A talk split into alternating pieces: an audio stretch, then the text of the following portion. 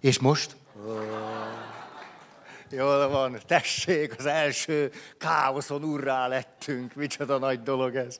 Szóval arról beszélünk, és hát tulajdonképpen az idő rövid, egy óra 14 perc van még, hogy hát nem egy perc elment a mikrofonnak, hogy arról beszélünk, hogy mit tehetünk azért, hogy fölismerjük azokat a jelenségeket, azt a helyzetet, amit így nevez meg a szakirodalom, sőt ez tulajdonképpen egy jogi kifejezé is vált, egy jogi terminus technikus lett, hogy szándékos vakság. Mert hogy a szándékos vakságaink fölismerése szinte mondhatjuk azt túlzás nélkül, hogy élet-halál kérdés. Alice Stewart 1956, 25 évébe telik, míg az angol és amerikai orvosi közvélemény el tudja fogadni azt, amit ő már 25 évvel azelőtt számokkal nyilvánvalóan igazol, ez pedig az, hogy az állapotos édesanyákat ne tegyük ki röntgen sugárzásnak azért, mert a magzatok sérülni fognak. Vagy legalábbis ennek a veszélye jóval nagyobb, mintha ez nem történik. 25 év. És akkor leírtuk azt, hogy ah, micsoda szék kínálat, hát ez egyszerűen zseniális hogy leírtuk azt, most csak ez egy gyors ismétlés, aztán új témákat szeretnék hozni, már azon belül, ami, amin most a témánk, hogy első, hogy valamilyen közkeletű hiedelem, ami a szándékos vakság egyik tényezője, egy közkeletű hiedelem. Második, most nem kezdem el ragozni, mert elmegy az egész élet. Azt mondja. Második, a közkedeltű hiedelemmel összefüggésben lévő valamilyen érzés vagy érzelem. És ez pozitív érzés is lehet. Ugye például a szerelmes, hogy a szerelmére tekint, és azt mondja, minden oké. Okay. És persze, hogy nincs, sosincs minden oké. Okay. Ugye ezt csak azért mondhatjuk, hogy minden oké, okay, mert idealizáljuk a szerelmünket, és éppen, éppen teljességgel figyelmen kívül hagyjuk a gyöngéit. Hát ez csak ezért lehetséges. Ma is miséztem, mindig misézésből jövök, és akkor annyira szeretem, Sekresi és fiú, mindig mikor jövök, neki valahogy ez áll a nyelvére, mindig meglát, szia Feri, elkezd mosolyogni, azt mondja, minden oké. Okay. És akkor utána mindig lelombozódik az arca, mert tudja, hogy erre én mit szoktam mondani. Én elkomorulok, tudjátok, ezt úgy hívják, hogy kapcsolati egyensúly. Hát tényleg, sokszor az igazságot ketten sokkal jobban képviseljük, mint külön-külön, nem? Vagy egy magába valaki. Tehát akkor ő ezzel az optimizmussal, ezzel a hurrásággal, hogy minden oké. Okay. Csak ránézek komoran, és mondom, olyan sosincs, hogy minden oké. Okay ahhoz nagyon vaknak kell lenni, hogy valaki azt mondja, hogy minden oké. Okay. Sosem oké okay minden. Tehát van akkor egy érzés, ami a hiedelmünket megerősíti. Tehát például, hogy te egy tökéletes nő vagy, Azért reméltem előbb-utóbb mégiscsak valamilyen reakciót adtok. De látjátok, kellett három másodperc, míg ellenőriztétek, hogy hogy is van. Most ez igaz, vagy nem igaz? És hát a, a hiedelme, egy tökéletes nő, és hogyha az életem párja lenne, az egész életem meg lenne oldva 40 évre előre, ugye ez egy hiedelem. Jó, kevesebbet fogok esketni következő nyáron. Ez egy hiedelem. És, és a hiedelemhez meg mi kapcsolódik? Ha ez az érzés, az az élmény, hogy hát mikor velem van, mintha minden meg lenne oldva. Ah, annyira jó vele. És tényleg nagyon jó vele. És ez az érzés megerősít ezt a hiedelmet, hogyha tulajdonképpen megkérné a kezemet, ha a Dezső, akkor minden révbe érne. Hogy csak ez az egy szám, de megkéri a kezem, és akkor minden megvan. Azt mondta egy kedves hölgyismerősöm, ide figyelj Feri, hogy én mekkora tév eszmében éltem, le is ülök a téveszme székére. De nem fogok itt elveszni, mert van új mondani való. Hogy azt mondja, én azt gondoltam, hogy ha Dezső, az én szerelmem, még a hormonális boom idején vagyunk, megkéri majd a kezem, akkor révbe érek. Két év múlva azt mondja, Feri, rájöttem, hogy pont fordítva van. Hogy az volt a képzetem, gyere csak nyugodtan, nem kell így sunnyogni, hanem csak ilyen bátran. De tényleg, hát miért ez mind? De, mert ilyenkor mindig az a, a, tudjátok, lehet, hogy ti is néztetek a neten, az a híres Duna tévés történet jut eszembe. De mindig ez jut eszembe, hát ne, úgyis látunk, érted? Tehát ez, és ilyen kényelmesen, kedvesen idejöttek, ez egyáltalán nem zavaró. De ez viszont nagyon mókás. Na, hogy a, Hát lehet, hogy akkor mégiscsak meg kéne tartani, mert itt van valami esemény. Szóval ez a hölgy néhány évvel az eskü után azt mondta, hogy hát de most látod, meg, meg, milyen többenetes téveszme volt ez. Hát én azt gondoltam, hogy az esküvővel révbe érek. És azt mondja, igen, csak hogy ez a téveszme azt csinálta velem, hogy ugye kapcsolódott egy ilyen jó, boldog érzés, a kényelmesség, a megérkezettség, az elrendezettség, a biztonságérzet, ugye ez mind itt van, nincs is kedvem folytatni, mert annyira jó. Menjetek nyugodtan haza, nekem most olyan jó. És azt mondta, hogy egyszer csak arra lettem figyelmes, de néhány év elég volt, hogy az lehet, hogy révbe értem, csak a kikötőben a vitorlák már régen szétfoszlottak, és nem haladunk sem erre se. Hogy már ki se tudnánk hajózni a nyílt vizekre, mert úgy megálltam én ott a kikötőben, hogy az összes vitorla szétfoszlott. És azt mondta, most jövök rá, hogy ez egy mekkora téveszme volt. Hát az, e- a házasságkötése nem révbe értem, akkor hajózunk ki. Akkor kell a jó szél, a jó vitorla, a jó kormányos. Haj, akkor kell jól tájékozódni az összes, akkor futunk ki. És mi az, ami évekig föntartott ezt a vakságát, hogy semmi energiát nem kell belefektetni? Ez a téveszme? Jaj, de jó, köszönöm. Hát azért erre fölfigyelek. Mert ez is nagyon aranyos, nagyon, és tényleg szöcske, nagyon hideg, nagyon jól néz ki. Szóval. De, de nagyon köszönöm annak, aki adta. Komolyan. Hogy ne kérdezzétek meg, hogy milyen volt. A, tehát itt van egy hiedelem, és a hiedelem ez kapcsolódik egy érzés vagy egy érzelem, ami egészen furcsa módon pozitív is lehet, ami föntartja a szándékos vakságnak a helyzetét. A harmadik az volt, hogy ehhez kapcsolódik egy önmagunkról alkotott kép, vagyis az, hogy minden oké, okay, hát minden oké, okay. hát hiszen boldog vagyok és elégedett, és hát minden oké, okay, miközben sosem oké okay minden. A negyedik, szándékos vakság elemei, a negyedik, hogy tulajdonképpen, ami itt van, ez mind tudható. Hát csak egy picit kell eltávolodnom ettől a háromtól, hogy tudhassam azt mondani, hogy sosem oké minden. Tehát az adatok nyilvánosak. Az eredmények nyilvánosak, a számok nyilvánosak, annyit tudunk az emberi természetről, hogy ezt itt pontosan tudhassuk elég jól látni, hogy miről van szó. Tehát az adatok nyilvánosak, de nem veszünk róluk tudomást.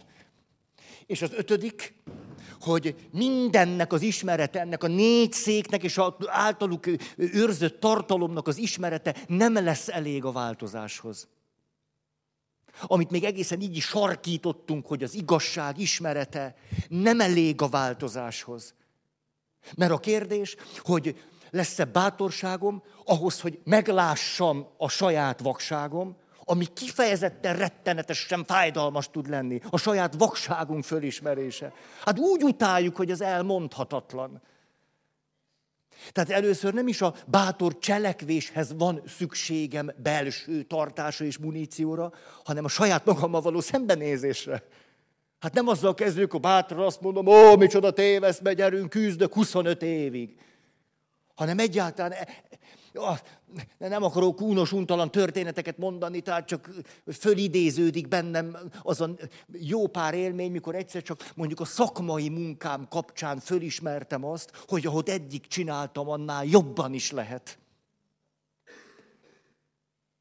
Hogy volt, hogy napokig nem bírtam aludni, mert akkor fogom tudni jobban csinálni, hogyha most beismerem, hogy 12 éven keresztül mindenkivel nem csináltam olyan jól, ahogy lehetett volna. Hát nem tudtam, hogy úgy is lehet. Hát ott nem a szándékos vakság volt, de az az élmény, hogy most ahhoz, hogy világosságot gyújtsak saját magammal kapcsolatban, hogy a szenvedéssel fog járni. De, de, de nem akarom. Hát ki kezdi az én képemet, hogy én egy jó segítő vagyok. Hát mit számít, hogy így van-e? De ki kezdi, és az baj. Nem esik jól. Tehát az igazság ismerete nem elég. Hát egy nagy belső küzdelem vár ránk. És nagy valószínűséggel a belső küzdelem után aztán egy külső. Olyan jó esetben, mert akkor... Én rám jön csak a meleg, vagy, vagy nektek is meleg? Nektek is meleg. Nektek is. Jó. Tudjátok, hogy nem ezt akartam mondani. Na most, azt mondja, hogy és akkor most ezt letakarítom, hogy neki álltunk, hogy elemezzük az okokat. Hát elemezzük egyáltalán, beszéljünk róluk. Hogy milyen okai vannak ennek a jelenségnek, hogy a szándékos vakság mindegyikünkre jellemző, kikerülhetetlenül nem csak az emberi természet része, hanem egy társkapcsolat működésének is jelensége, egy családi kapcsolatrendszer működésének is jelensége, csoportoknak, közösségeknek, intézményeknek, államoknak, egyházaknak és az emberiségnek működésének is jellegzetessége. Ha! És akkor kettő okig jutottunk el. Mit tudom én, melyik volt ez a kettő? Az egy, de tudom, hogy mi volt, csak na.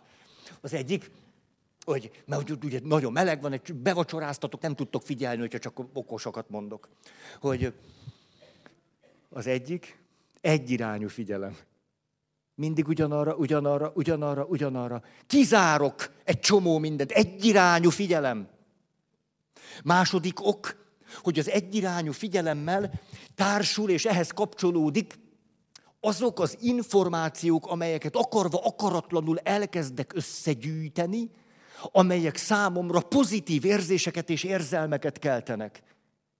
Vagy, még akkor cifrázhatjuk ezt, vagy pedig olyan információkat rekesztek ki, amelyek kényelmetlen érzéseket keltenek bennem.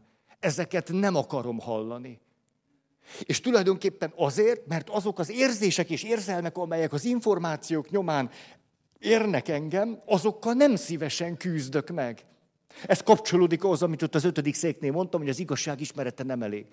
Tehát, vagy pozitív érzéseket és érzelmeket akarok, és ez, ez esik annyira jól, hogy bizonyos információkat szeretek figyelmen kívül vagy negatív érzésektől akarom magamat megkímélni. Ez volt a két pont, amit eddig mondtunk az okokról. És hát, hogy van-e tétje, vagy nincs? Hát, mondjuk van. Ugye 25 éven keresztül egy baba. Hogy annak akkor van tétje. Tudjuk azt, hogy azok a fiatal emberek, akik azt mondják, hogy nem történhet meg, hogy mi elváljunk. Ők már is veszélyeztetettek. Mert ki fogják zárni azokat az információkat, amelyek hogyha nem lenne bennük ez az ideológia, hogy mi keresztények vagyunk, mi katolikusok vagyunk, mi velünk ez nem történhet meg, miután kizárják azokat az információkat, amik aztán a kapcsolatban érik őket, hogy tulajdonképpen most nem vagyok boldog, de most már két éve nem vagyok, hogy tulajdonképpen ez nagyon aggaszt, hogy tulajdonképpen ez bizonytalanná tesz, hogy tulajdonképpen nem is tudom, hogy merre megyünk, hogy ez tulajdonképpen nem is jó, és úgy látom, hogy neked se jó, ez egy egyetlen egy ilyen ö, ö, téveszme, hogy azért, mert katolikus vagy keresztény vagyok, ez nem történhet meg. Hát persze, hogy megtörténhet. Sőt, a kutatások szerint, ha valaki így lát neki, hogy velem ez nem történhet meg, akkor te fenyegetettebb vagy. Mert ha tudod, hogy megtörténhet, akkor sokszor olyan információkat is merünk majd közelengedni, amelyek nagyon kényelmetlenek lesznek. Ugye, éppen voltam egy családos társaságban, egy házas társaságban, 20 éve házasok, tehát azért akkor elég jól csinálják. És ott mondtam nekik néhány adatot. Hát nem esett nekik túl jól. És, és hogy mondtam ezt a néhány adatot, hogy az volt a fölszabadító, hogy nem kezdődött el az, amit olyan gyakran hallok, hogy jó, jó, de vannak kivételek. Olyan gyakran hallom, ezt tudjátok, elmondok számokat, és akkor valaki hátradől, és azt mondja, jó, de ez nem mindenkire érvényes.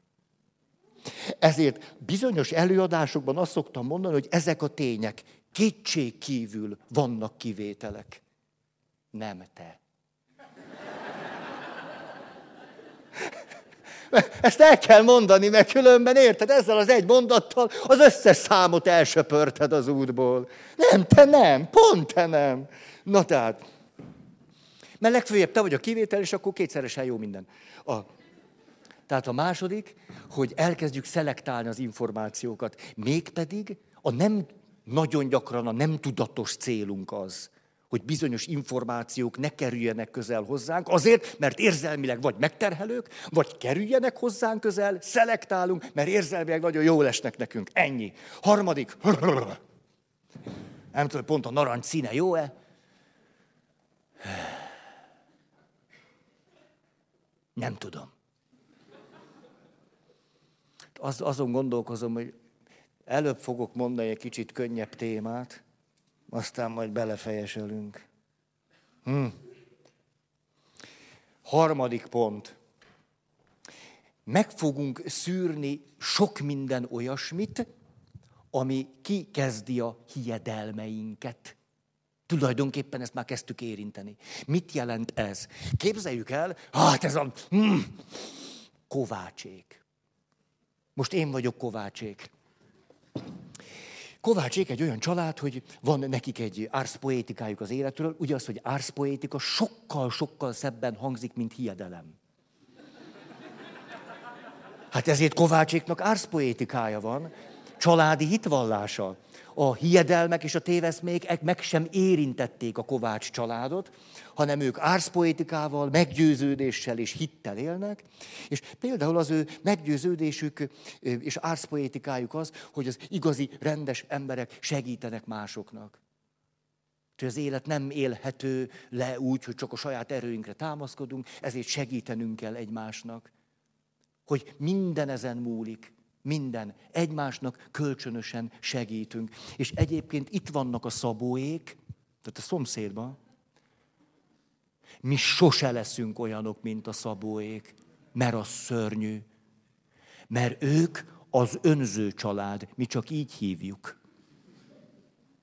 Mert őket, ők, ők viszik az életet, akar, karrieristák, undormányos karrieristák. Ki tudja, hogy milyen nemtelen eszközöket is felhasználnak az előrejutás érdekében. Nem is látjuk, hogy lennének barátaik. Mi sose leszünk olyanok, mint a szabóék. Na, mert mi egy jó család vagyunk. Gyertek, gyerekek, most mesélünk. A tyúkanyóról, aki szerette a csibéit. Gyertek. Mi egy ilyen család vagyunk. Nálunk szeretet honol még december 24-én délelőtt is, ami nagyon ritka.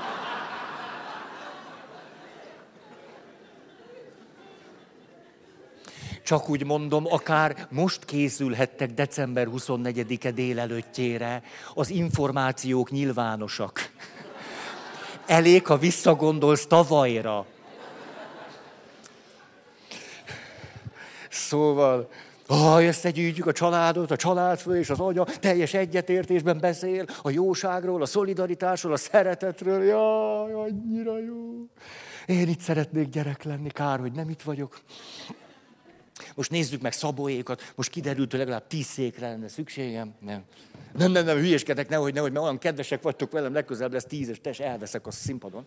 Hogy itt ülnek szabóék, és azt mondják, hogy tulajdonképpen, hát ha egy valamiért lennénk csak hálásak az életben, akkor az az, hogy nem vagyunk olyanok, mint Kovácsék.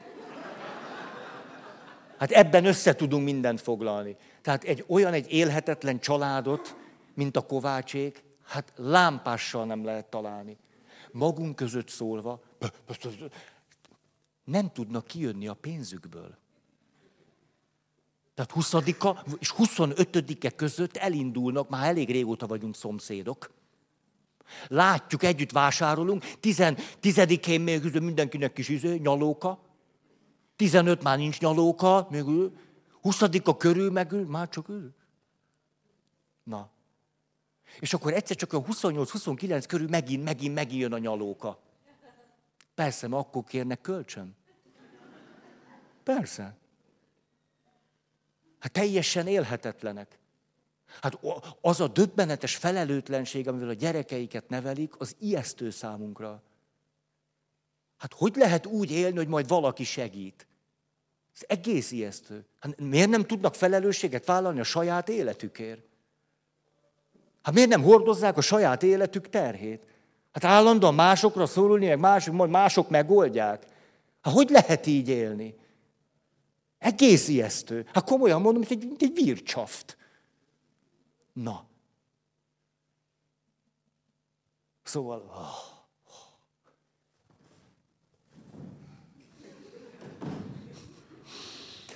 Mit szokott hozni az élet? Ja, te tudod, ah, valaki tudja. Hát az élet azt szokta hozni, hogy egyszer csak itt a Kovácséknak a lánya, egy olyan igazi jó, jó, hát egy, egy nagyon jóságos. Őt nagyon-nagyon érinti az, amit apa és anya mondott, de hát értitek, pont az a lényeg, hogy jóság és szeretet mindenkinek önzetlenül föltétel nélkül, és a Kovácséknak van az a bőrkabátos, motoros fiú, tudjátok. A Szabóéknál úgy van, úgy van, nem, hát a Szabóéknál. Hát és én arra gondoltam, hogy hát ha valakinek jót kéne tenni, hát a Szabóéknál a, a, a nagyfiú. Nem, hát egy, tényleg egy ilyen önző disznó családban nevelkedik föl, hát tényleg valamit. És, és olyan jó, mert amikor kölcsönkérünk 29-én, akkor tudok is venni sütit. Megyek, hát igaz, augusztba veszem, értitek? Hát hol máshol? Mondjatok még helyeket. Hát ez döbbenetes, itt egy kiset, ez, ez egy önsegítő csoport, egy ilyen süteményes világ. Hát, itt ez nem, nem, hát ez hogy, hogy lett? Látjátok, a, arra gyanakszom, hogy itt a tudattalanok összekapaszkodtak. Döbbenetes, hogy mi történik itt. Szóval itt van a Kovácséknak ez a motoros üzőt, töntöm, egy tök beképzelt csávó. Szabó, hát nem tudom, már mindenki Kovács nálam. Köszönöm a segítséget. Szabóéknál. És hát akkor egyszer csak a Kovácséknak a nagylánya beleszeret a Szabóéknak a nagyfiába. És a Szabóéknak a nagyfia azt mondja, hogy fú, hát szóval nem tudom, olyan, olyan, hát olyan illata van ennek a nőnek, olyan, olyan színe, hogy egész meg vagyok döbbenve. Nem lenne rossz így. Kicsit, kicsit azért tényleg az apáméknak igaza van, hogy tanuljon már egy kis tartást. Úgyhogy üljön föl mögém, azt akkor kapaszkodjon. És, a, és mi történik? Az fog történni, hát mondjuk, hogyha ez így éppen így játszódik le, sokszor így játszódik le, hogy ők egymásba szeretnek, idealizálják egymást, mind a ketten megélik azt, hogy a szerelem azért ennyire zseniális, mert kiegészülünk. Hogy nekem nagyon tetszik ez az életre valóság, tényleg, tényleg ez, ez zseniális. Nekem meg nagyon tetszik valahogy az a, hát nem is tudom, az együttérzésnek hívják, vagy minek, amit csinál. De az annyira jó, ez tényleg az annyira kedves, én nem is tudtam, hogy van ilyen nő. Hogy van ilyen nő, együttérző, hihetetlen. Hogy jól esik. Na nem számít, csak jól esik. A, és mi fog történni öt év múlva? A Szabó Ég fia már 30 éves, és kezd egyre tűrhetetlenebb érzéseket átélni, hogy a felesége, mert ők már most így vannak, hogy a felesége tulajdonképpen hozza tovább ezt az élhetetlenséget. Egy ilyen nővel kell neki élni? Hát, ho, hát, hát, nálunk, a, hát nálunk az anyám vezette a listát, hogy mire mennyit költöttünk. Hát ez volt a legtermészetesebb. Azt se tudja, mennyi pénzünk van. Hát ezt nem is értem. Hát, hát nem lehet vele élni. Hát nem lehet vele élni. És Mit mond Kovácséknak a lánya? Hát mondani nem mond semmit, mert megy haza a családjához, mert ugye ott mindig szeretettel fogadják. Kedvesen átölelik, azt mondják, édesem, te, hát mi mindig mondtuk neked, mondtuk neked, de itt van anya és apa, és anya azt mondja, kicsi lányom, 32 éves, kicsi lányom, te nálad mind te biztos lehetsz benne, hogy nálunk van itt egy ágyad. Te bármikor hazaköltözhetsz. Mi, mi szeretettel látunk. Biztos lehetsz benne. Ha egy bőröndel jössz, úgy is. Fogkefével, úgy is. És tudhatod, ha fogkefe nélkül, az igazán nem számít. És itt van az apa, és azt mondja, anyádnak nagyon igaza van. Hát ez egy ilyen család, egymásnak igazat adnak, és boldogan élnek.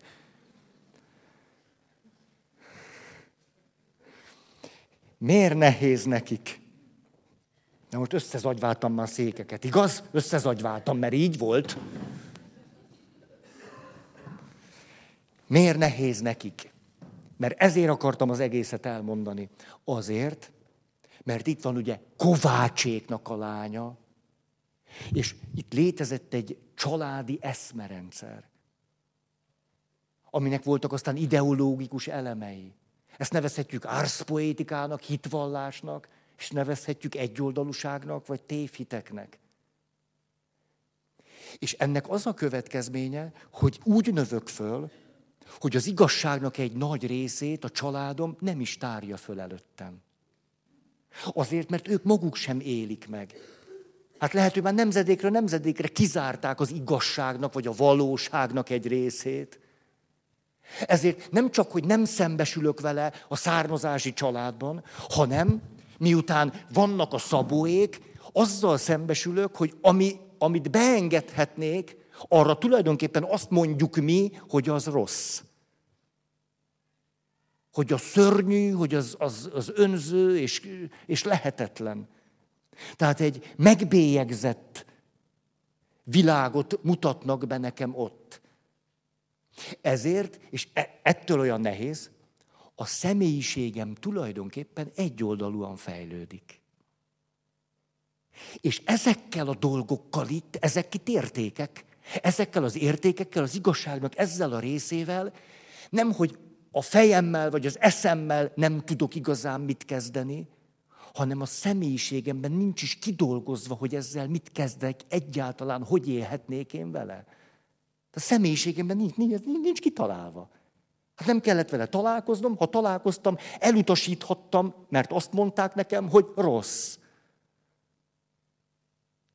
Csak hogy most ez a rossz megtestesül a férjemben. Ettől olyan nehéz. Az a rossz, amihez nem dolgoztam ki az utat, most megtestesült a férjemben. És fordítva is pontosan ugyanígy van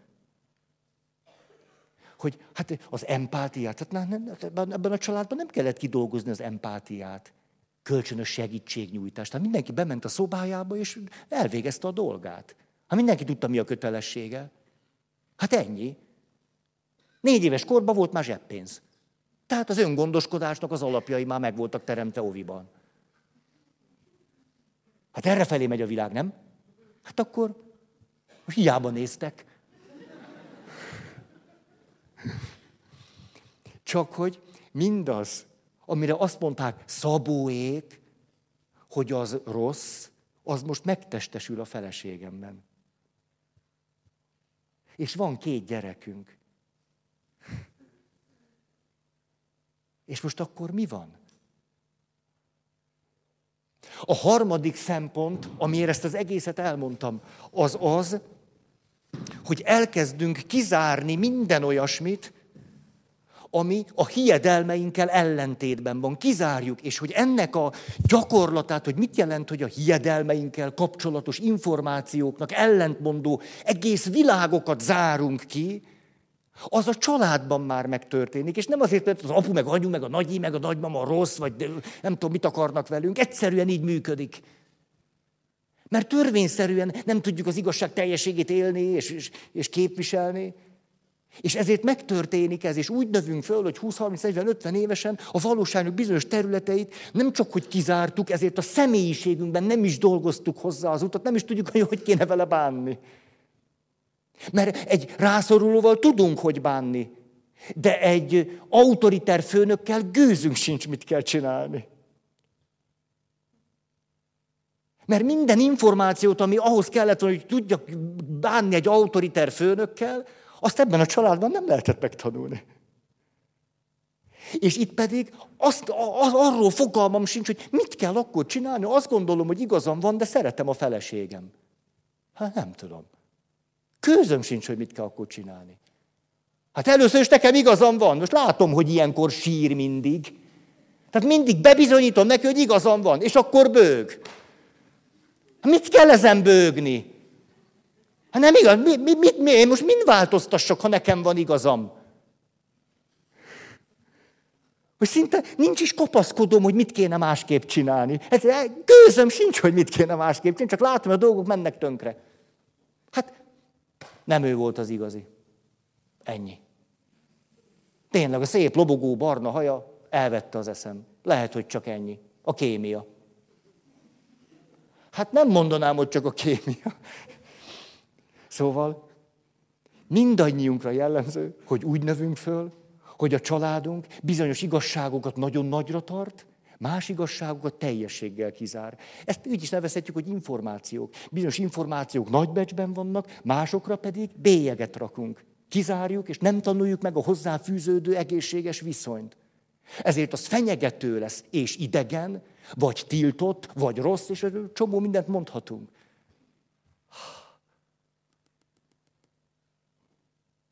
Így tulajdonképpen az a kérdés, hogy a család történeteket, ha nézzük, az nagyon megrendítő volt nekem 5-8-10 éve, mikor ebben nagyon-nagyon benne voltam, és ez foglalkoztatott a leginkább.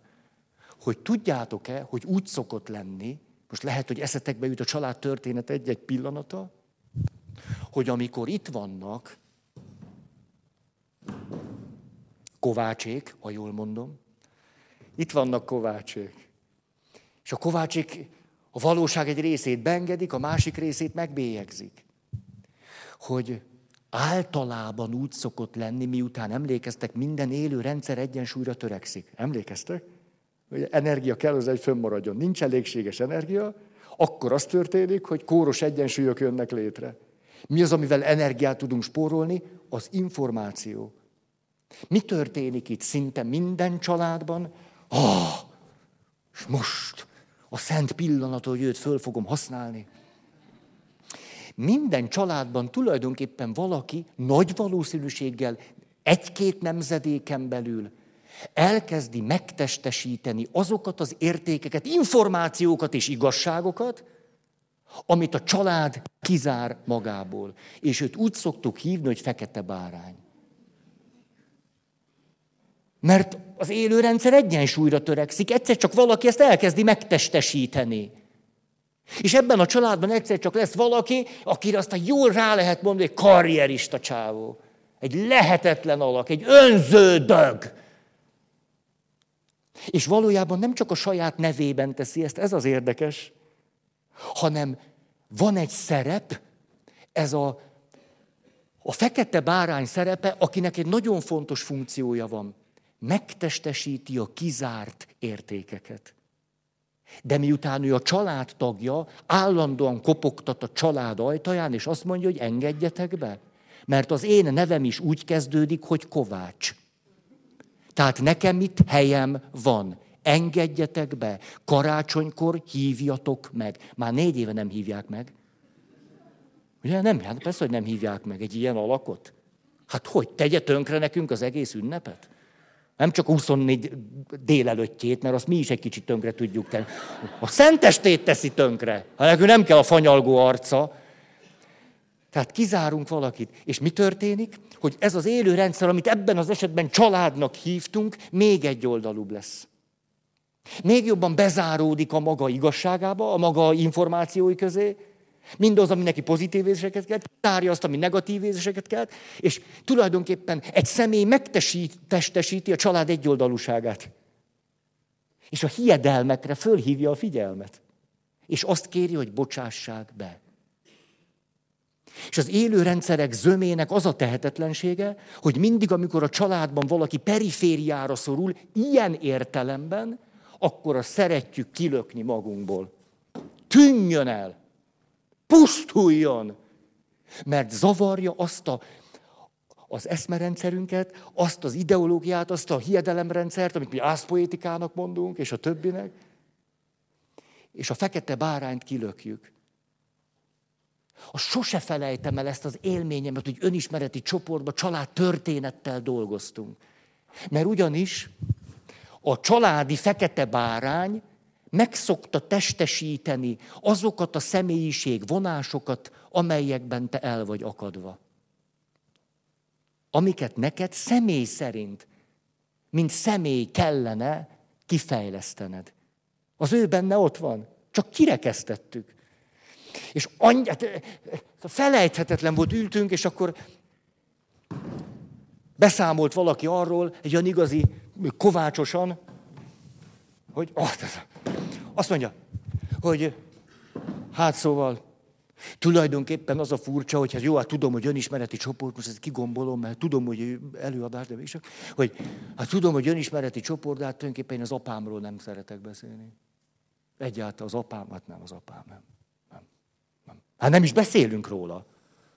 Hát az apámról nem beszélünk. Hát nálunk mindenki normális volt, kivéve az apámat. Az, apa, az apám nem. Hogy ül az egész csoport, hogy mi, mi, mi, mindenkit érdekel, hogy hogy nem volt normális. És akkor, hát igen, hát az apám egy alkoholbeteg volt. Alkoholbeteg. Hát nulla, semmi. Nulla. Kész, elitt az agyát, nulla. És tudjátok, a csoportban egyszer csak föl lehet tenni azt a kérdést, hogy és tulajdonképpen mi volt jó az apukádban? Egész itt, hogy valakiben semmi szerethető nincs. Mi, mi, mi volt jó az apukádban? És tudjátok, ilyenkor egy első ösztönös, hogy, hogy, hát se, hogy semmi, hát semmi jó. És ez tulajdonképpen olyan, mint amikor valaki a család nevében nyilatkozik. Hát ez a családnak a véleménye. Nem az a véleményünk, az alkoholbeteg apában semmi jó nincs, mert egy alkoholbeteg. De ezt értem, jó, hát a családnak ez volt a eszméje erről a helyzetről, hogy van egy alkoholbeteg apa, akiben semmi jó nincs. Jó, de ugye itt ülök, és hogy hát én azért engem ez továbbra is érdekel. Jó, értem, hogy semmi jó nem volt benne, de mi volt akkor mégiscsak? De néha, hát, most képzeljétek el, van egy hiedelemrendszer, és akkor most egy kérdéshez értitek, hát itt egy két méteres fal van. Hát egy kérdéssel majd biztos át lehet rajta menni. Hát nem, nem, most mégis. És akkor a következőt mondta ez a valaki. Hát tulajdonképpen, hát nem tudom, 40 éves vagyok. Hát az apám már régen nem él. De most 40 évesen jut először ez így eszembe, hát pedig tudtam, hogy így van. Ha, halljátok, információ nyilvános. Az, hát, de tudtam, hogy így van, hogy tulajdonképpen az apám volt az, akit, hogyha a faluban volt valami ünnep, az apám volt az első, akit meghívtak. Mert az apám tudott mulatni, hogy mit jelent élvezni az életet. Na azt az apám tudta. Az apám fölállt, és egyszer olyan hangulat volt, hát az apám zenélt. Hát a legvégén már nem tudott. De ameddig tudott, hát persze, hogy nem tudott. De, de értitek, Hát az, a, ide a hegedűjét, azt úgy, azt úgy húzta. Hát ott, ott, és emlékszem, hogy ültünk, és egyszer csak, hogy megváltozott ennek a valakinek az arc, és azt mondja, tehát ez hihetetlen. Hát, de most veszem észre, hogy mi itt, hogy miközben az apám húzta, és hogy aközben mi mindig arról beszél, mi a kötelesség, mi a dolgunk, mit kell megcsinálni, Hát egy sváb család voltunk. Hát ő, emlékszem, kislányként leültem, jött a nagymama, azt mondja, nincs dolgod, majd adok.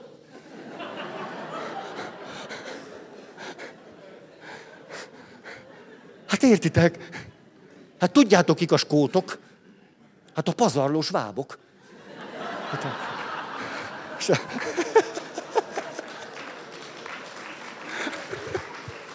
és, a...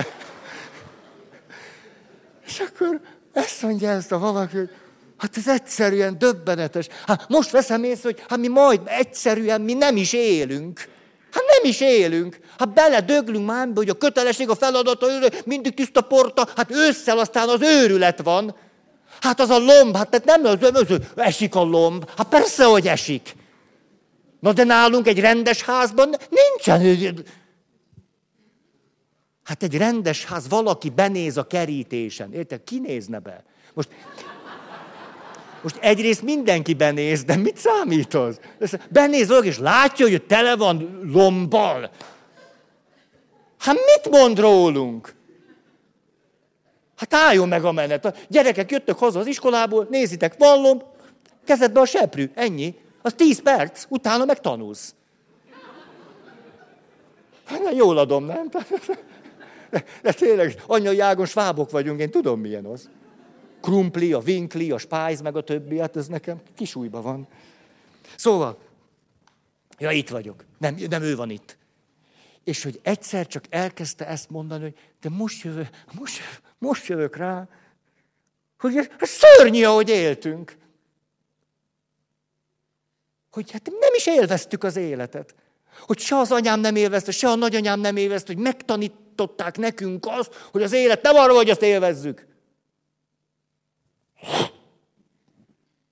Hát meg is haltak korán. Hát persze, hogy meghal. Hát... És ott tudjátok, az a fölismerés, te jó ég, hogy a család bizonyos értékeket teljesen kizárt, és azokat megbélyegezte. Ezért azoknak a megélése tulajdonképpen tilalmas volt. De minden esetre járatlanul volt, fenyegető, veszélyes, akár bűnös címkét is kapta. A szándékos vakság, tulajdonképpen a lány 40 évig mindig is tudta, hogy az apját hívják a kocsmába, hogyha mulatni kell hogy az apja nagyon tudott élni, és tulajdonképpen elkezdtem mondani, hogy kislány korában, főleg amikor még nem a családi árszpoétikát nem, nem vette magára annyira, meg hát kötődött az apukájához, hát az apukájával tulajdonképpen egy ideig jóba is volt. Hát az apukája, az ő, gyere kicsikém, énekelek, gyere! Hát, hogy együtt énekeltünk, mentünk, daloláztunk, hogy az apámmal sokkal jobban szerettem menni a suliba. Hát az egy kaland volt mindig apával a suliba menni. Hát anyám mindig, azt mindig így, így kellett rakni a lábat, úgy, mindig a pocsolyába bérlépze. Apámmal meg mondta, indián szögdelés.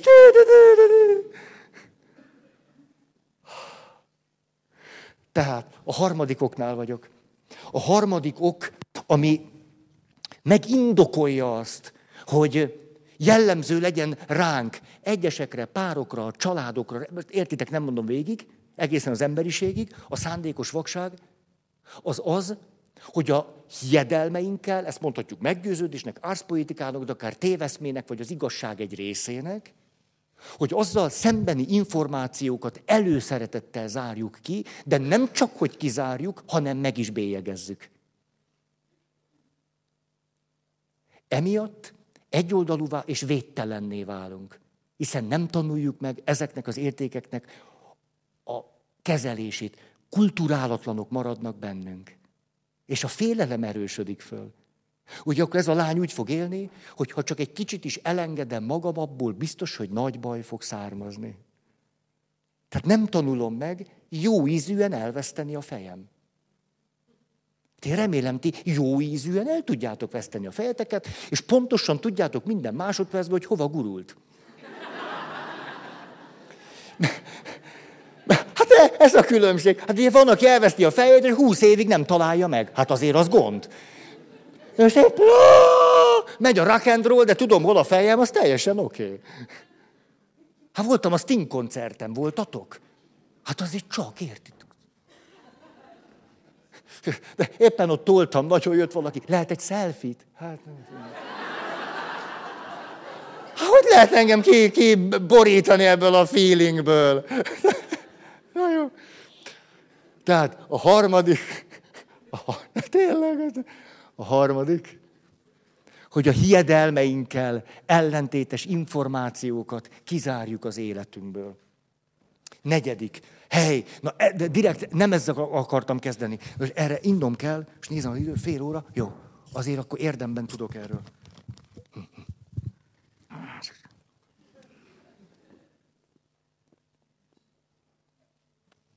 Negyedik, az így szól, hogy már ennek kapcsán is láthatjuk, hogy az élő rendszer nem működik igazán jól, nem működik hatékonyan. Tehát rendszer szintű problémák keletkeznek, és ezek a rendszer szintű problémák azután indokolják és fölerősítik a szándékos vakság jelenségét. Rendszer szintű probléma. Mi ez, hogy rendszer szintű probléma? Először két dologról szeretnék beszélni. Az egyik.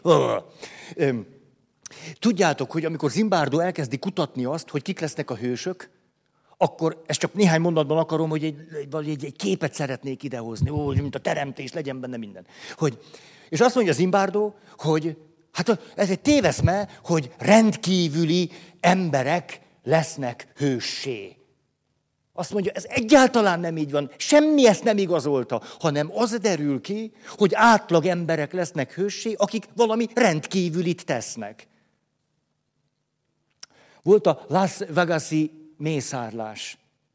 Ugye, és ott lehetett hallani, jöttek egymás után az infók, hogy volt valaki, 40 embert mentett meg, végül meglőtték a nyakát, és túlélte. Volt valaki, aki ott elkötött egy furgont, és vitte a, a miközben záporoztak a lövedékek, ő vitte az embereket a kórházba. És amikor megy az interjú, te hogy, hát az életveszélyben volt, hát meg is lőtték, tehát nyilvánvaló volt, hogy, hogy életveszély. Ez miért csinálja? És például ez a srác, aki 40 embert segített, hogy menjen ki onnan a tűzvonalból, és végül meglőtték a nyakát, ő azt mondja, hogy hát de annyira egyszerű volt, hát egyszer arra gondoltam, hogy senki nem érdemli meg. Hát nem tudok olyan indokot elképzelni, ami miatt ez reális legyen, hogy valakit itt lelőjenek. Hát akkor ott ennyi. Hát ezzel nem, nem kell tovább gondolkozni. Hát akkor fogom, az gyerünk, gyerünk, gyerünk. hát akkor húzom ki, menem, e, ennyi. Ha semmi rendkívüliség nem kell hozzá. Tudja, ú, azt nem tudom, szóljatok, hogy ezt most idén már elmondtam, mert nem, hülyét nem akarok magam csinálni. Nem, nem emlékszem, miről most beszéltem. Hogy, úgyhogy segítsetek nekem, mint múltkor emlékeztek, rögtön szóltatok, hogy a földrengés a kínai kisfiú, mostanában nem mondtam el? Hát például annyira gyönyörű, hát az alaptörténet. Azt mondja, hogy, hát, de valódi történet, hát minden valódi történet, hogy földrengés volt Kínában, és hát mondta, mese kezdők, földrengés volt Kínában. Na, de hogy iskola, az iskola, vasbeton szerkezet, a vasbeton szerkezet ugye nem porlikottan szét, hanem sátorszerűen azok a hatalmas lapok egymásra dőlnek, és ott egy csomó gyerek túléli. Hát aztán nagy káosz, még dől ez, az, az, szóval nem is lehet tudni, hogy ott vannak túlélők. Hát akkor megy napokon át a keresés, és a többi.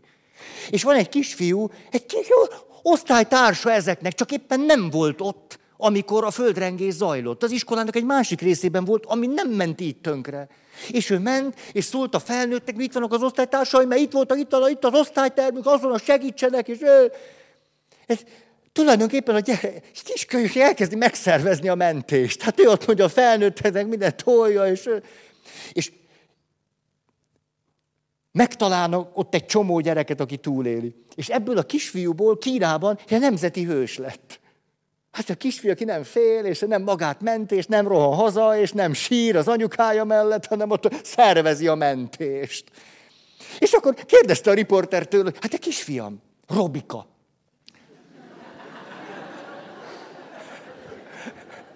Jól van, örülök, hogy a realitás érzéketek megmaradt. Tudom, hogy ez nem egy kínai név.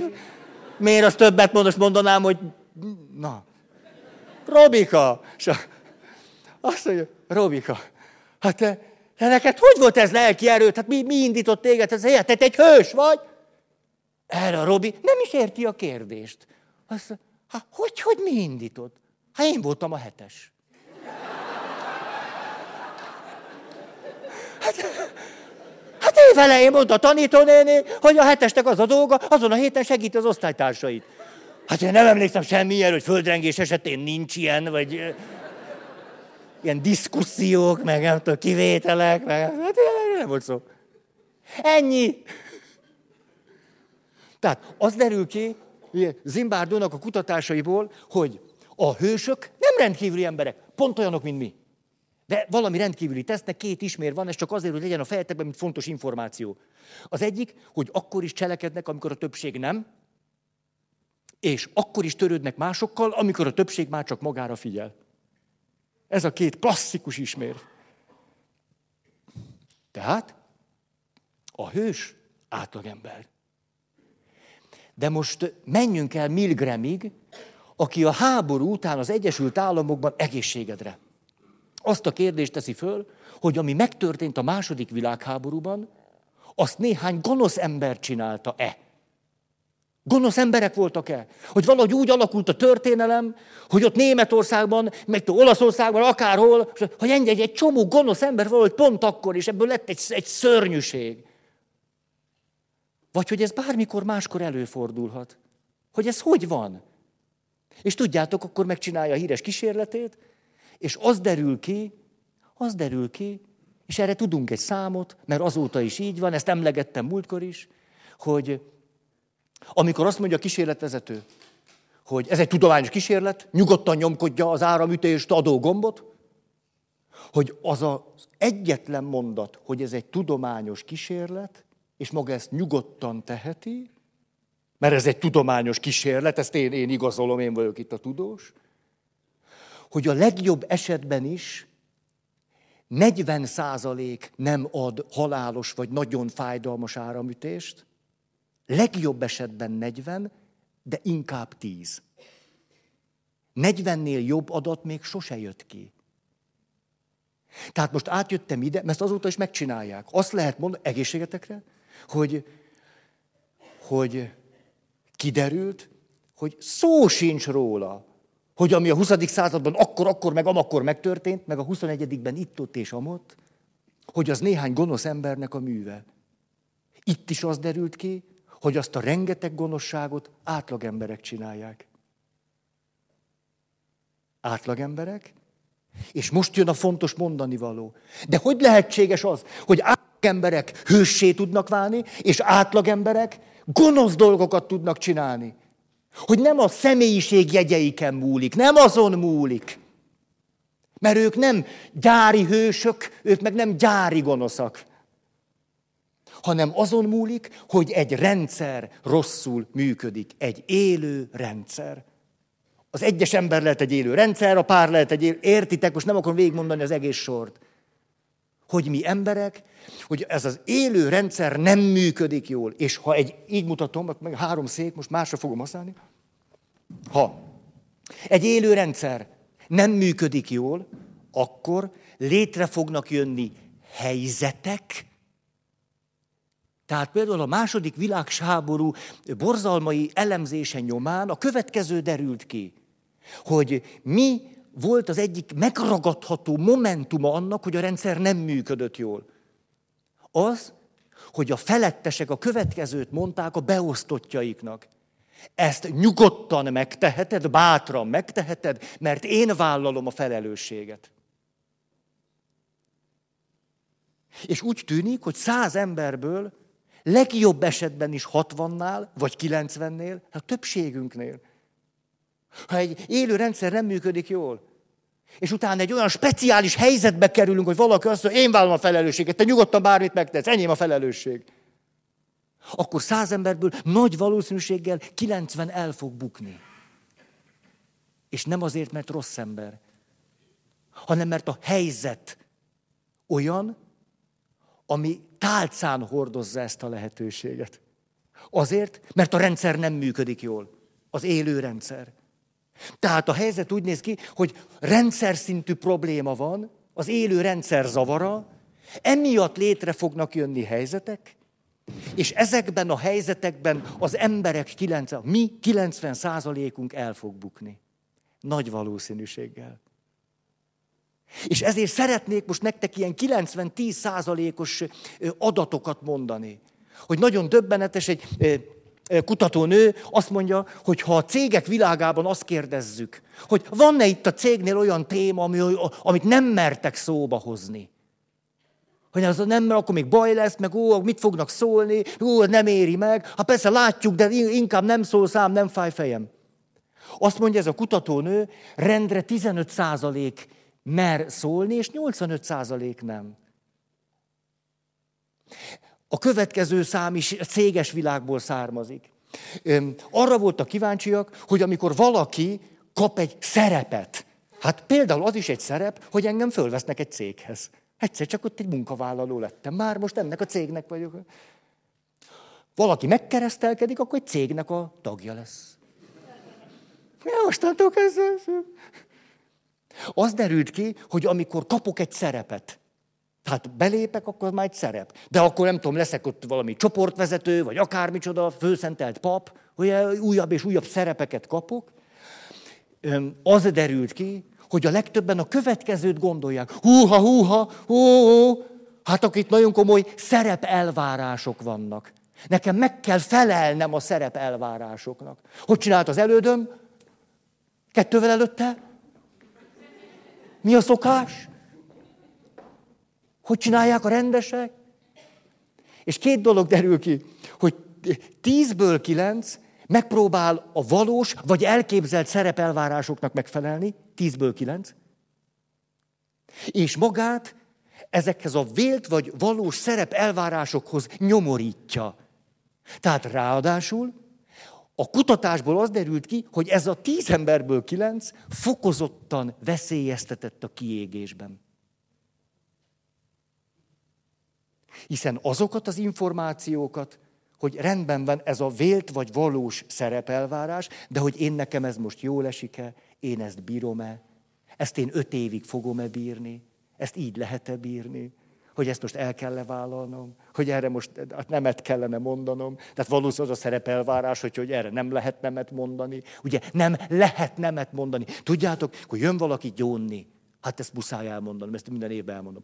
Hogy jön valaki gyónni, és azt mondja, Feri atya, de hát nem is tehettem mást. Na akkor azért a stresszhormon szinten megemelkedik.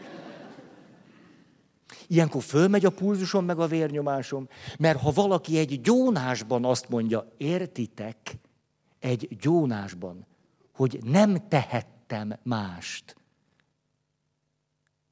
na az szándékos vakság.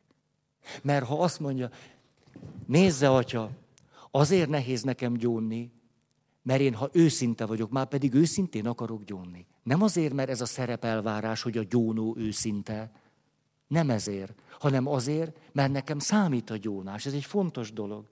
És nem akarok hülyét csinálni magam, kimenni a gyóntatóba, és tudom, hogy ott össze-vissza beszéltem. Nem. Akkor el kell mondanom, hogy most amit meggyónok, hogy én ezt tettem, vagy ezt elmulasztottam, hogyha belegondolok, hogyha legközelebb egy ugyanilyen helyzetbe kerülnék, nagy valószínűséggel most is ezt csinálnám. És hogy ez itt egy gyónás közben nekem iszonyúan fáj, mert erre jutottam. Hogy nem csak pillanatnyilag nem volt ehhez erőm, hogy másképp csináljam, hanem most, hogyha őszinte vagyok magammal, beengedem az igazságnak a fényét, azt kell mondanom, hogy ebben a pillanatban nem látom, hogy mi, mi az, ami nekem tudna segíteni, hogy ebben a helyzetben ne kövessem el ezt újra. Ez egy tisztességes gyónás. De amikor valaki azt mondja egy gyónásban, de én értem, nem vagyok együttérzés nélkül. Csak amikor megtelítődik a gyóntató szoba a sötétséggel, azt egyszerűen ki nem bírom. És akkor valaki azt mondja, atya, hát nem is lehetett más csinálni. Olyan nincs, hogy nem lehetett mást csinálni. Olyan van, hogy nem volt hozzá erőm. Fogalmam se volt, hogy mi lehet a más. Eszembe se jutott semmi, ezek mind vannak. Gőzöm se volt róla. Úgy be voltam tojva, azt se tudtam, hova nézzek. Ezek mind vannak. De azt, hogy nem lehetett más csinálni, na az viszont biztos, hogy nincs. Hát tudját, ah, de most, na. na. Szóval, az derül ki, akkor is, ha a hős felől kezdjük nézni magunkat, és az élő rendszerek működését, akkor is, ha a gazemberek felől, most így mondom egyszerűen, nézzük, hogy ugyanoda jutunk, hogy tulajdonképpen itt is és ott is átlagemberek vannak, pont olyanok, mint mi. Csak hogyha az élőrendszer nem működik jól, létrejönnek helyzetek, amiben a többség elbukik. Például, de ez, most már tényleg ezt annyiszor elmondtam, hogy már most sajnálom csak az a teljesség élmény, ami nekem kell, nektek nem biztos, de én, hogy az első baba születése után a társkapcsolatok 90%-ában az elégedettség meredeken zuhal lefelé. Ez azt jelenti, hogy az első baba születése után rendszer szintű problémák támadnak. Pontosan így történik. Vagyis a férfinek férfiként és férként egy csomó reális hiányérzete lesz. Rendszer szintű probléma lesz. A férfi egyáltalán nem fog annyi törődést kapni, mint amennyi neki jól esne. De nagy valószínűséggel a feleség se. Egyrészt mert a férfi elkezdi számon kérni rajta, hogy miért nem szeret engem. Két éve még én voltam a cupp az éjszakába, most meg csak a gyerek van. Hát a másik, hogy te jó anya akarsz lenni, az összes minden fizikai, pszichés erődet, energiádat, jóságodat beveted a gyereknevelésben, nem? Hát ki vagy purcanva? Hát szorongsz, hogy jól szoptatsz-e, vagy nem? Hát nem így van. Hát, hát szorongsz, ó, fog-e menni, ó, most, most dől el az élete. Gyerünk még két perc.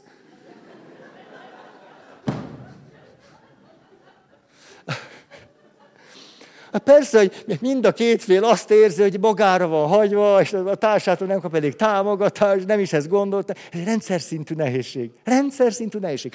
Létre fognak jönni helyzetek, amikor én nőként, ugye ez egy...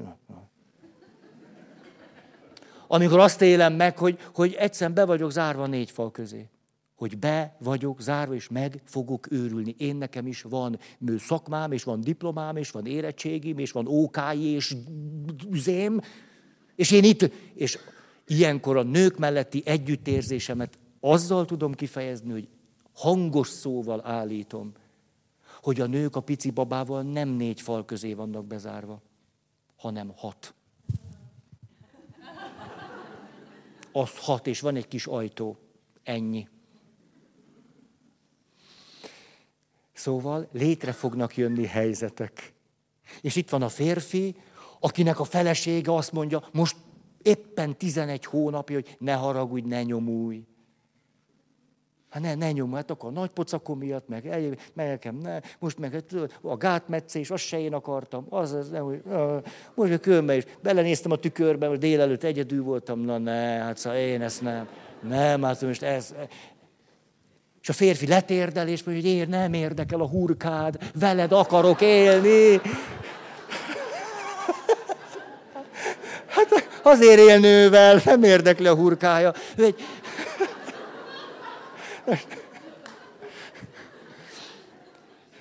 És létre fognak jönni helyzetek, hogy ahogy ő bemegy, bemegy majd a munkahelyre, és egyszer csak érted a munkahelyén, Gyönyörű ilyen miniszoknya, vagy ilyen fél minibe.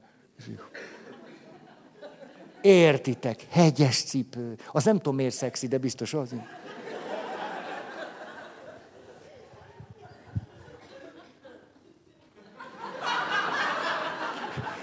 Értitek? És még le se ült a Dezső, már oda penderülsz, és mondod, hogy szöcske, és kacsintasz, szöcske. Hát mi minden van ebbe az egyetlen szóban? Szöcske. Ó, ezt nevezem helyzetnek. Ez egy hely, most, na, na, kérem szépen. Most már mégiscsak. És ezekben a helyzetekben nagy valószínűséggel hosszú távon a többség elbukik. hogy tíz apából éppen egyetlen egy, vagyis a tíz százalék képes a gyerekei érzelmi intelligenciáját fejlesztő módon apaként működni. Éppen csak tíz százalék. Ezt úgy neveztem meg magamnak, most direkt teszek egy, egy ugrást, egy átkötést, egy ilyen szöcske mozdulatot, hogy ez így szól, hogy ezekben, amikor a rend, élőrendszer nem működik elég hatékonyan, és létrejönnek a helyzetek, amiben előre tudhatjuk a negyedik szék, az információk nyilvánvalóak, körülbelül tízből kilencen bukunk el, hogy amikor ez így van, akkor tulajdonképpen állandóan azt gondoljuk, hogy itt valami egyéni hősiesség, vagy pedig valami életszentség lesz a megoldás. Ez vakság. Mert tíz emberből kilenc elbukik. Életszentségre és hősiességre szükség van. De ha egy kicsit is bölcsek vagyunk, akkor a rendszer működésén változtatunk. Hogy az az élő rendszer másképp működjön. Mert ha az élő rendszer másképp működik, akkor nem állnak elő azok a helyzetek, amelyekben nagy valószínűséggel el fogunk bukni. És ebben az a jó, hogy ezért nem, nem szükséges, hogy mindannyian hősök legyünk. Mert ha meg tudjuk azt tenni, hogy azokat az élő rendszereket, amikben vagyunk, az élő rendszer, a testem egy élő rendszer. Ugye hát amikor kiégésről beszéltünk, akkor arról beszéltünk, hogy én egy élő rendszer vagyok, és ha nincsen napi egyensúlyom, és nincsen heti egyensúlyom, és nincsen havi egyensúlyom, és nincsen éves egyensúlyom, meg négy-öt-hat éves egyensúlyom, akkor előbb-utóbb olyan helyzetekbe kerülök, hogy el fogok bukni. Most éppen néhány héttel ezelőtt voltam az onkológián. Ez olyan, az, értitek, hát fiatal onkológusok konferenciája. Hát ben vannak, értitek, hát az egy olyan megterhelő meló, hogy, hogy nem is az összes kalapomat leveszem, egyet föl se veszek még 50 évig se. Tiszteletem jeléül.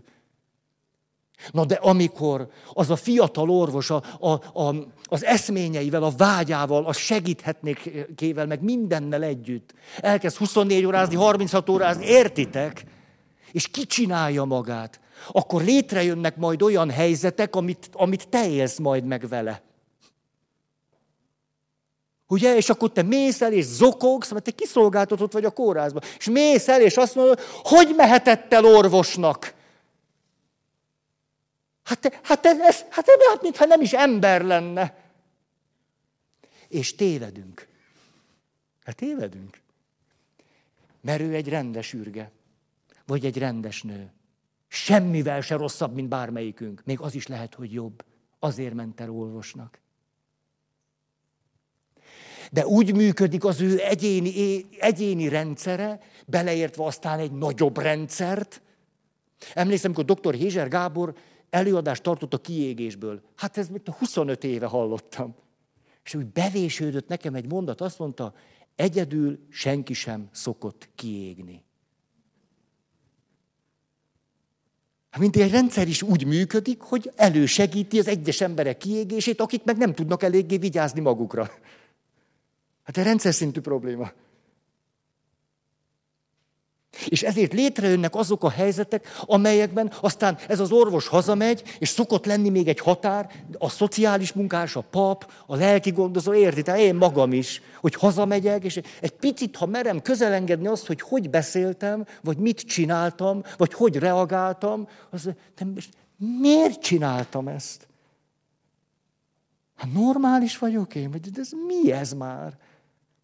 És ezt nevezi a szakirodalom úgy, hogy ezekben a helyzetekben elkezdünk pont ellentétesen működni, mint a saját eszményünk. Ami miatt elkezdtük az egészet.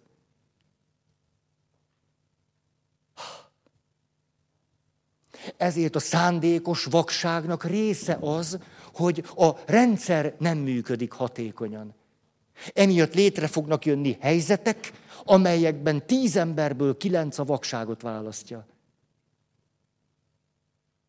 Mert az a benyomásunk, hogy jó, hát választhatom azt, a nem vakságot, jó, rendben van, hát akkor egy egész rendszer fogom fejemre omlani. Hát ez ki akarja, vagy akkor ez ho, hogy lesz ez így? Most, oh, most nem is tudom, ezt belekezdjek el, hogy a, hát de most pont az utolsó öt perc elmondok, hogy Képzeljétek el, hát vendég voltam. De tudjátok ezt a történetet, csak lehet, hogy pont ide vág. Az él... nem, nem is ezt mondom, nem is tudom.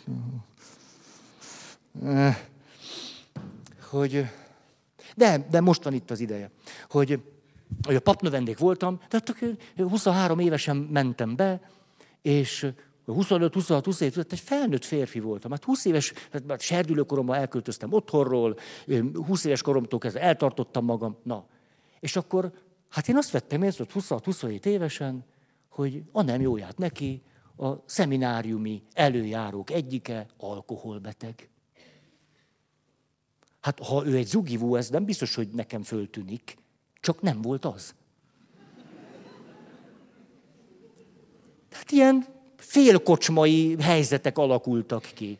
És én arra gondoltam, hogy én szerintem, hát én nem tudom, mert én papnövendék vagyok, tehát ugye hallgassa neve, de hogy hát nem tudom, én, én szerintem egy, egy mondjuk egy a, a következő papi nemzedék nevelője szerintem ne legyen egy gyakorló alkoholista. Volt egy ilyen naív gondolatom, ezt talán még valahogy a polgári világból hoztam. És ezzel a gondolattal elmentem az egyik előjáróba, és mondtam, hogy de én szerintem ez a rendszer nem működik jól. Hát az hogy lehetséges, hogy, hogy mindenki tudja, hogy egy alkoholbeteg valaki, és hogy ez így lehetséges. Hogy ez miért lehetséges így?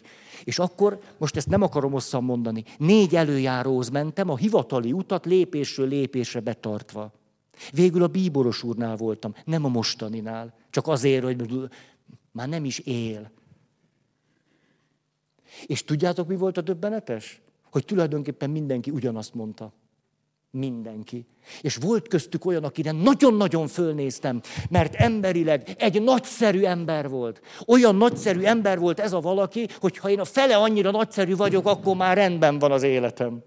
Nagyszerű ember volt. És mind a négyen azt mondták, Feri, húzd meg magad. Fogd be a szád, mindjárt fölszentelnek. Bírt ki. Mi egy év, bírt ki, és akkor pap leszel, és, és akkor tudjátok, ültem, mindig zsongott a fejem egy ilyen beszélgetés után, és azt mondja, most azt mondják, hogy én most ezt bírjam ki, fogjam be a szám, csinálják úgy, mintha ez nem lenne, majd pedig papként beszéljek a szabadságról, ugye, a szeretetről, hát ez hogy? Hát ez egész papi életem során nem fogom tudni kinyitni a szám. Ez egy ilyen örökséggel. És az volt a benyomásom, hogy ez akkor ott egy klasszikus rendszer szintű hiba volt. Egy klasszikus zavara a működésnek. Hogy minden további nélkül az adatok, informál, az információk nyilvánosak voltak. Mindenki tudta, hogy alkoholbeteg.